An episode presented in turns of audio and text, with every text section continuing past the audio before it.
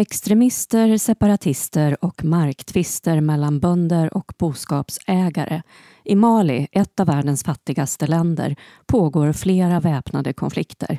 Situationen är så allvarlig att den anses utgöra ett hot mot internationell fred och säkerhet.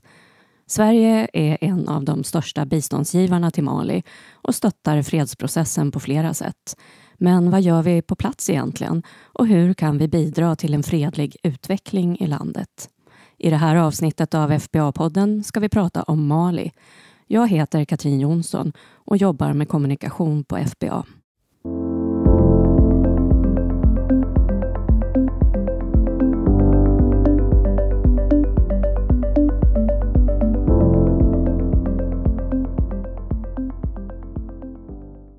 Nästan varje vecka hör vi om terrorattacker i Mali, mestadels mot civilbefolkningen, men hundratals maliska och över 200 internationella soldater har också dödats under sin tjänstgöring för FN, som sedan 2013 har haft en fredsinsats i landet.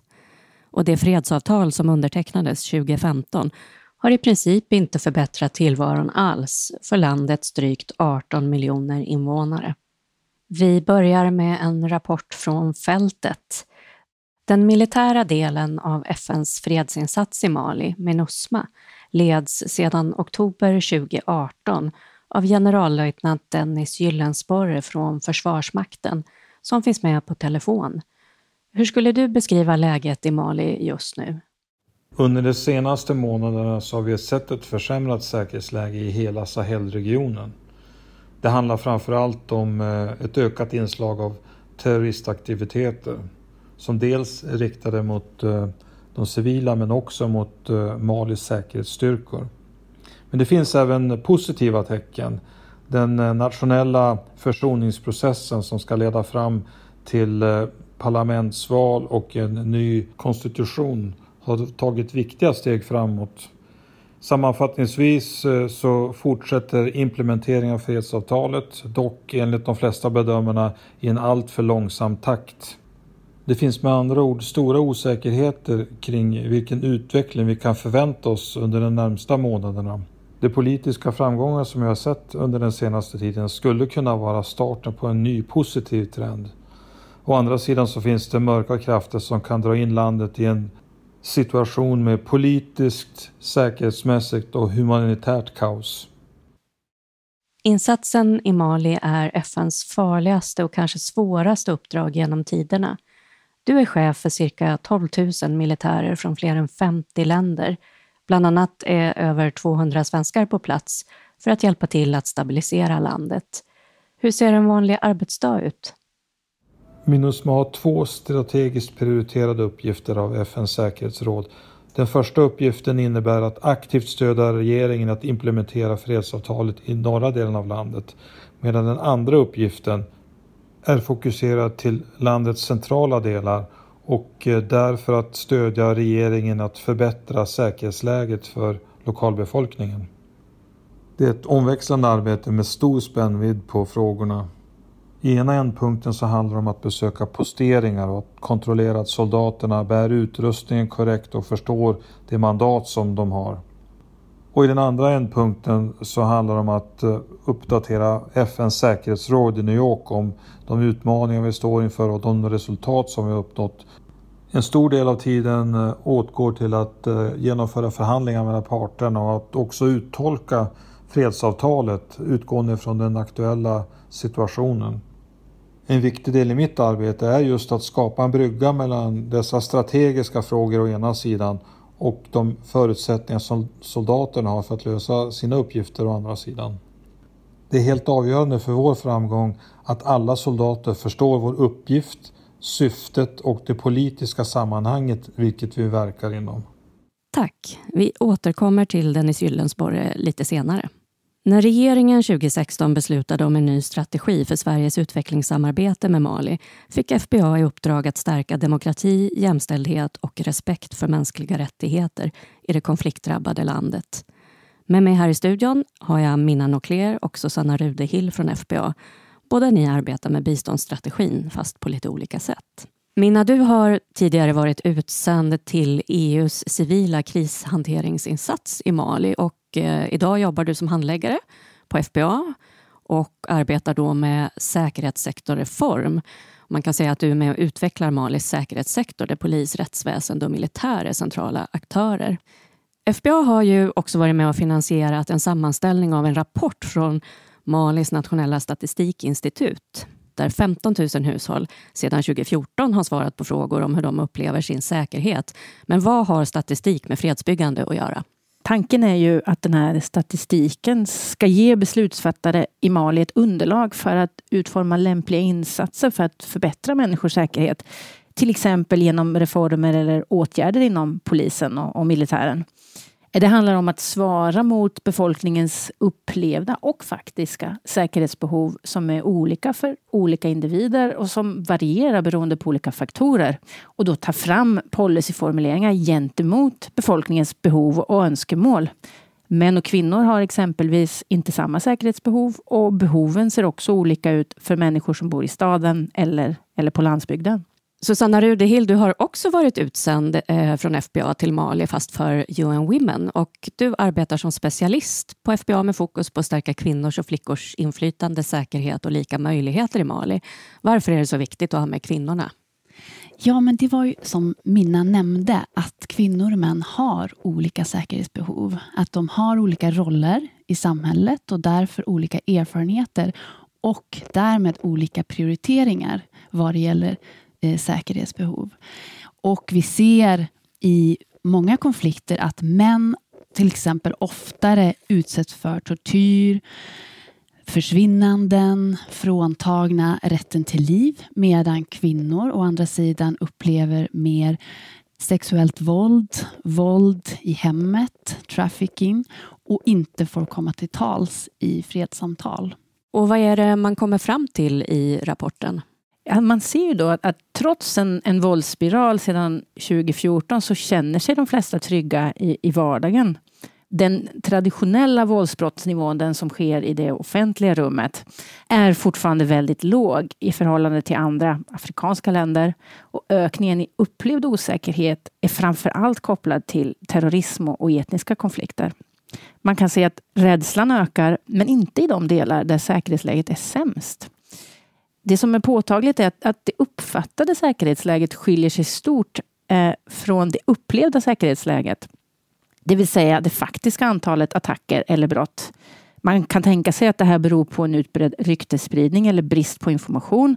Trender som vi även ser på en, en global nivå. Dessutom framstår inte heller förtroendet för Malis säkerhetsstyrkor så lågt som det påtalas då en stor del av befolkningen faktiskt vänder sig till dem när de blivit utsatta för brott. Och den låga rapporteringsgraden skulle kunna vara en fråga om, om närvaro där de maliska säkerhetsstyrkorna sällan finns på plats ute i landet. Ehm, jag vill också understryka att den här rapporten är en statistisk rapport och att ytterligare kvalitativa analyser av datan krävs för att kunna se tydligare mönster eller orsakssamband mellan de här olika mätningarna och resultaten. Så om jag förstår dig rätt så behöver det inte alltid vara så att man känner sig som mest otrygg där säkerheten är som sämst? Säkerhet är, är ju något subjektivt och det finns ju många olika dimensioner av det här. Eh, vi på FBA arbetar utifrån begreppet mänsklig säkerhet som även inkluderar aspekter som, som matsäkerhet, ekonomisk säkerhet, politisk säkerhet, i Mali så är det så att, att, etniska spänningar har fått våldet att explodera i landets centrala delar sedan 2017 och 2018 och det är idag den främsta orsaken till osäkerhet och konflikt i Mali. Den här konflikten befinner sig dock i olika faser i olika delar av landet. Där en första fas, då enligt den här rapporten, är konflikter över resurser som sedan eskalerar till etniska spänningar och våldshandlingar av beväpnade grupper. Rapporten fokuserar särskilt på fysisk osäkerhet, men de största säkerhetshoten som påtalas är ändå bristen på ekonomisk säkerhet och matsäkerhet.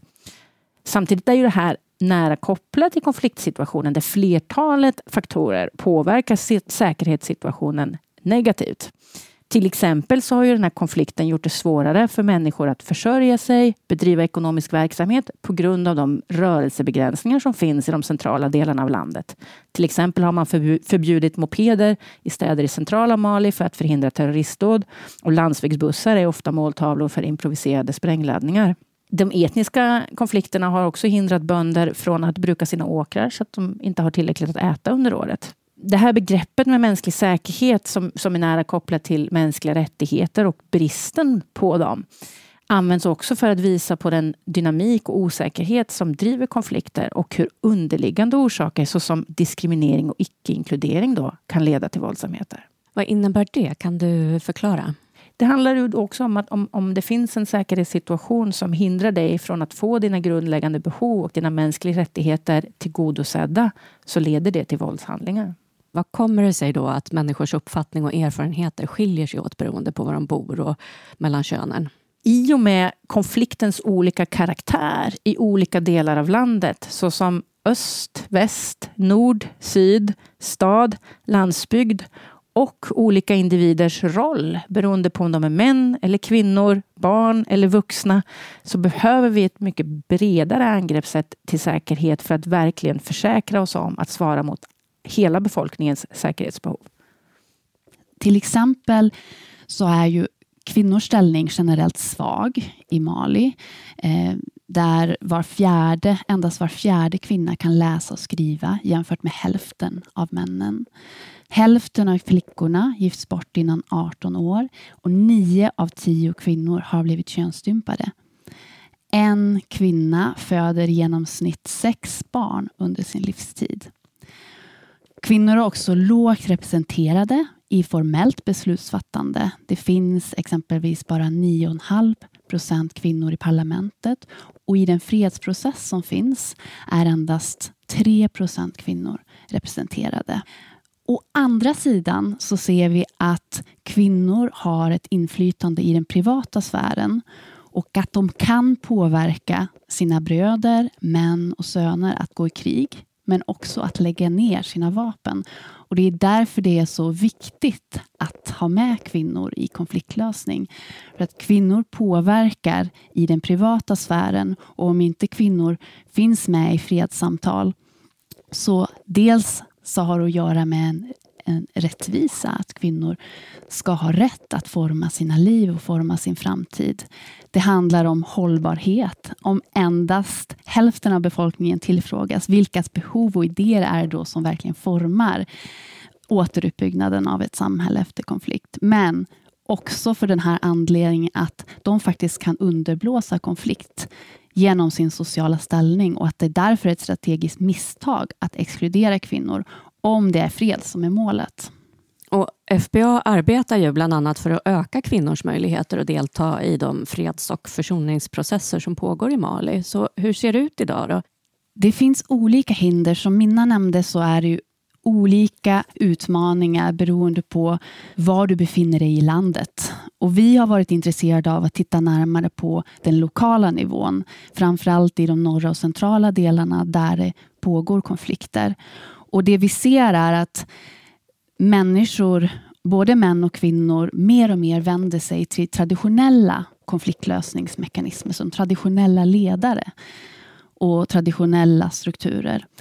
Och där det är både en utmaning och en möjlighet för kvinnor kan man säga. För det beror helt enkelt på de här individuella männen som det oftast handlar om. Om de vill inkludera och se värdet i att inkludera kvinnor eller är, håller sig till en mer restriktiv och traditionell syn på att kvinnor inte ska vara med i formellt beslutsfattande. Och att man vänder sig dit, beror det på att man inte litar på staten då? Eller? Det beror på att staten oftast inte finns närvarande. Så det finns inget annat alternativ. Det är därför det är så viktigt att inkludera män i arbetet för kvinnors rättigheter och för kvinnors inkludering. För att det ofta handlar om deras attityd och eh, vilja eller inte att få med kvinnor. Vi ska höra vad Dennis Gyllensborre säger. Jag har inte haft tillfälle att ta del av hela rapporten. När jag pratar med lokalbefolkningen så är det framförallt i konfliktdrabbade områden. Inte oväntat så är det många som uttrycker stor oro kring säkerhetsläget och också en förhoppning att Minusma ska fortsätta att bidra till säkerheten. Hur arbetar Minusma med att tillgodose kvinnors rättigheter och behov? I vårt mandat från FNs säkerhetsråd så finns det tydliga uppgifter till Minusma att bidra till att skydda kvinnor och barn som är påverkade av konflikten. Mer konkret så handlar det till exempel om att främja ett ökat inflytande av kvinnor i den fredsprocess och den försoningsdialog som äger rum. FN främjar också utveckling av kvinnliga nätverk lokalt och regionalt. Inom ramen för våra militära operationer så ingår genderaspekter i såväl planering, genomförande och utvärdering av vår verksamhet. Det är viktigt att nå ut till kvinnor lokalt. Vi engagerar också speciella team med kvinnliga officerare och soldater som ska stärka dialogen och öka den ömsesidiga förståelsen. Och i FBAs uppdrag i Mali så ingår att verka för att kvinnor ska bli delaktiga i fredsprocessen som de hittills till stora delar har varit utestängda från. Som utsänd till Mali, Susanna, så arbetade du bland annat med att ta fram en ny handlingsplan för kvinnor, fred och säkerhet. Hur är det att driva kvinnors rättigheter i ett land som präglas av en patriarkal struktur där islamistiska grupper verkar? Det finns absolut många utmaningar med att verka i en sån kontext och samtidigt så upplevde jag själv väldigt mycket värme från människor i Mali som jag mötte och att jag, jag som utlänning blev väldigt varmt välkomnad och väl emottagen. Eh, och det var lätt att få kontakt och prata med mina maliska kollegor och maliska vänner. Och det som många av dem uttryckte var just att de här grupperna, de här extrema grupperna är just väldigt främmande för den vanliga Malien. Det är eh, någonting som inte har funnits traditionellt i det maliska samhället. Och eh, där det traditionella sättet har varit att separera religion och stat där det ska vara ett sekulärt styre där alla religioner accepteras. Och det är de väldigt stolta över, faktiskt, att de har det här sekulära arvet. Och vi respekterar alla, någonting som de brukar, brukar säga. Eh, och när, som, som Minna nämnde också så är det ju väldigt diversifierat land, olika språk, olika traditioner, olika sätt att försörja sig beroende på klimat och natur och så. Men generellt kan vi också se att kvinnor har en svårare situation och färre möjligheter än män. Och att det finns en tendens att inte inkludera kvinnor. Det är inte självklart att inkludera kvinnor i beslutsfattande. Så det är en utmaning, men det finns också väldigt många starka kvinnorättsaktivister som jobbar för en förändring. Och jag hade förmånen att få jobba nära många av dem. Och du var ju också med och utbildade nyckelpersoner på ja, ungefär hälften av Malis departement. Tjänstepersoner som utsätts för att samordna det här arbetet för jämställdhet och genomföra handlingsplanen för kvinnor, fred och säkerhet. I höstas var du tillbaka i Mali när det här programmet avslutades. Hur har det gått och vad händer nu? Ja, det var jätteroligt att komma tillbaka och träffa den här gruppen igen. Och Jag ser ju så tydligt hur de har växt under det här året som vi har haft utbildningen med olika faser. Eh, dels att de känner sig väldigt trygga i det här kunskapsområdet, kvinnofred och säkerhet. Att de vet hur de ska ta sig an och förklara de här frågorna.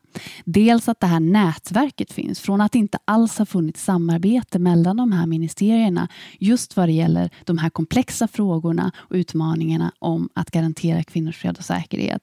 Till att det nu finns ett starkt nätverk som har initierat flera samarbeten. Och det finns också ett väldigt starkt engagemang och det, just för den här nya handlingsplanen, vilket är väldigt roligt att se också, där alla har olika ansvarsområden. Och Så var inte fallet tidigare. Och De har också utvecklat individuella planer som bidrar till den här gemensamma planen. Hade de några förkunskaper innan eller var det här helt nytt för dem? För många var det nytt. För vissa hade en del förkunskaper. Men det som alla hade gemensamt det var en nyfikenhet och ett engagemang att vilja lära sig mer.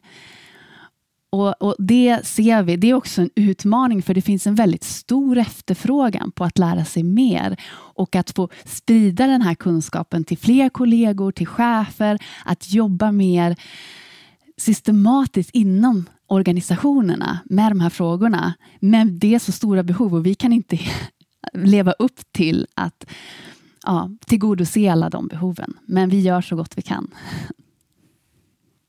Det handlar om att förändra människors sätt att tänka, att analysera, att ta i beaktande fler människors behov. Och Det här är någonting som tar tid. Och Det är därför vi fortsätter att stötta de här ministerierna.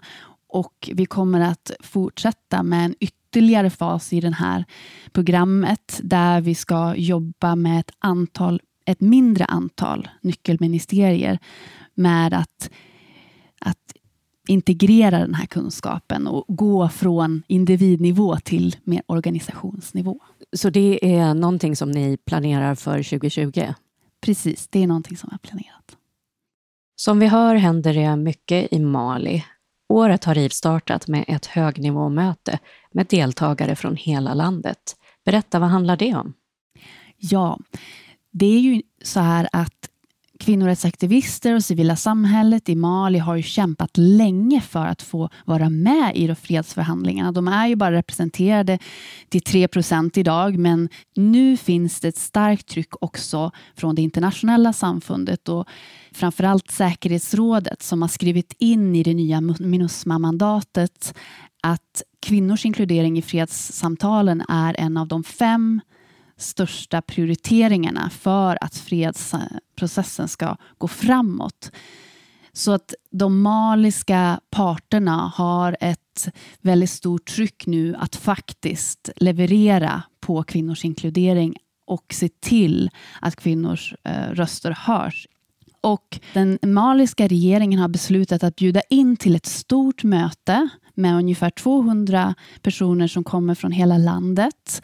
Framförallt kvinnoorganisationer från olika delar av landet, från de ex-rebellgrupperna, från regeringen och från det internationella samfundet.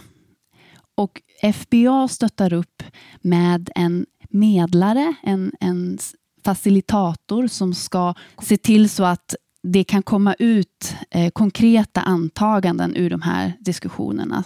Och den här eh, facilitatorn som du nämner, det är en av eh, medlemmarna i det svenska medlingsnätverket för kvinnor, eller hur? Det stämmer. Och vad hoppas du ska komma ut av det här?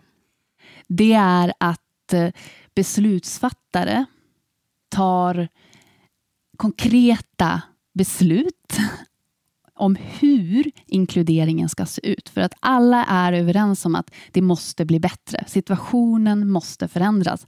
Men nu vill vi bara veta hur. Minna, den här statistikrapporten som du har arbetat med omfattar fem år. Eh, vad kan man säga om utvecklingen under den här tiden och hur ser malierna på framtiden?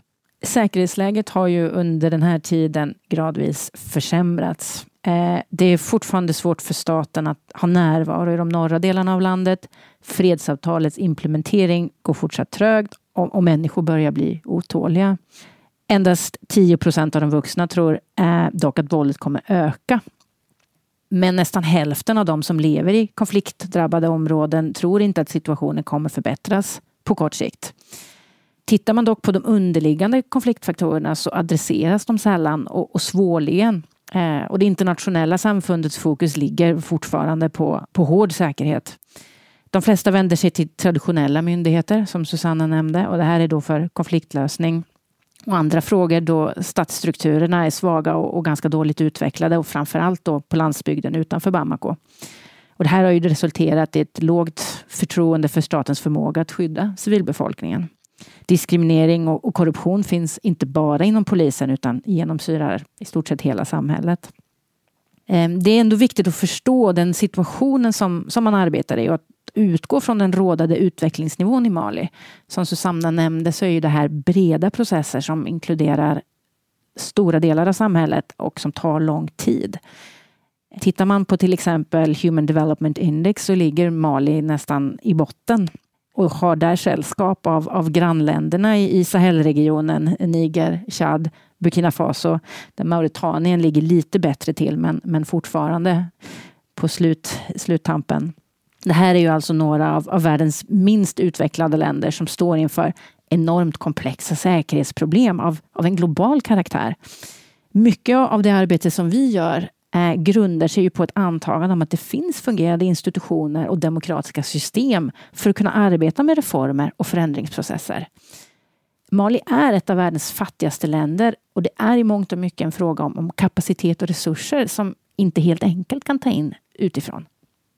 Och du nämnde hård säkerhet. Vad, vad är det?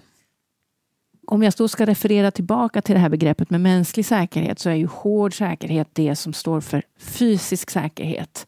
En människa har ju behov av, av mer skydd, större begrepp av säkerhet än just bara fysisk säkerhet för att faktiskt kunna leva och, och, och må bra. Och det är lite det som jag nämnde tidigare som mänsklig säkerhet försöker att, att eh, inbegripa. Man eh, brukar ju säga att hoppet är det sista som överger människan och i Timbuktu, där den svenska FN-styrkan är baserad, så om jag inte missminner mig från den här rapporten tror ändå sex av tio att situationen kommer att förbättras under det kommande året. Var kommer hoppet från efter så många år av krig? Jag tror att på något sätt det är normaliteten som, som sätter sig in och, och man vänjer sig vid de nya förhållandena. Man gör det bästa av situationen. Vi får inte glömma bort att de system som vi arbetar med ju också består av, av människor och, och individer som har en enastående förmåga att anpassa sig och bygga upp nya mekanismer till en förändrad verklighet. Den stora majoriteten av mänskligheten vill ju ändå leva i fred och välstånd. Och de här problemen uppstår ju när olika grupperingar har olika idéer om hur det här tillståndet ska uppnås. Eller när externa krafter får otillbörligt inflytande var ju lite som Susanna nämnde här tidigare, att de här extremistiska krafterna känns väldigt främmande för det maliska samhället. Och det är ju på något sätt den här mångfalden av faktorer som gör hållbar, långvarig utveckling så svår att uppnå. Avslutningsvis, Dennis Gyllensparre. Förra våren avgick Malis regering till följd av oroligheterna och allt fler människor har enligt norska flyktinghjälpen tvingats på flykt. Hur ser du på FNs och FBAs möjligheter att bidra till en positiv utveckling i Mali? Det är av avgörande betydelse att det internationella samfundet inklusive Minusma, inklusive FBA, fortsätter sitt engagemang i Mali. Alla insatser kräver en långsiktighet. Det kommer att ta en lång tid att lösa konflikten och att eh, få landet att återgå till ett normaltillstånd som är stabilt, säkert och humanitärt acceptabelt. Arbetet måste fortsätta i oförminskad styrka. Vi gör skillnad i vardagen för många människor här i Mali. Tack för det Dennis Gyllensporre och lycka till med ditt fortsatta arbete. Som vi har hört pågår ett intensivt arbete av flera aktörer för att Mali ska gå en fredlig framtid till mötes. Tack till er som har medverkat här idag och till dig som lyssnat. Mer om vårt arbete för fred, säkerhet och utveckling hittar du på vår webbplats fba.se, i sociala medier och där poddar finns.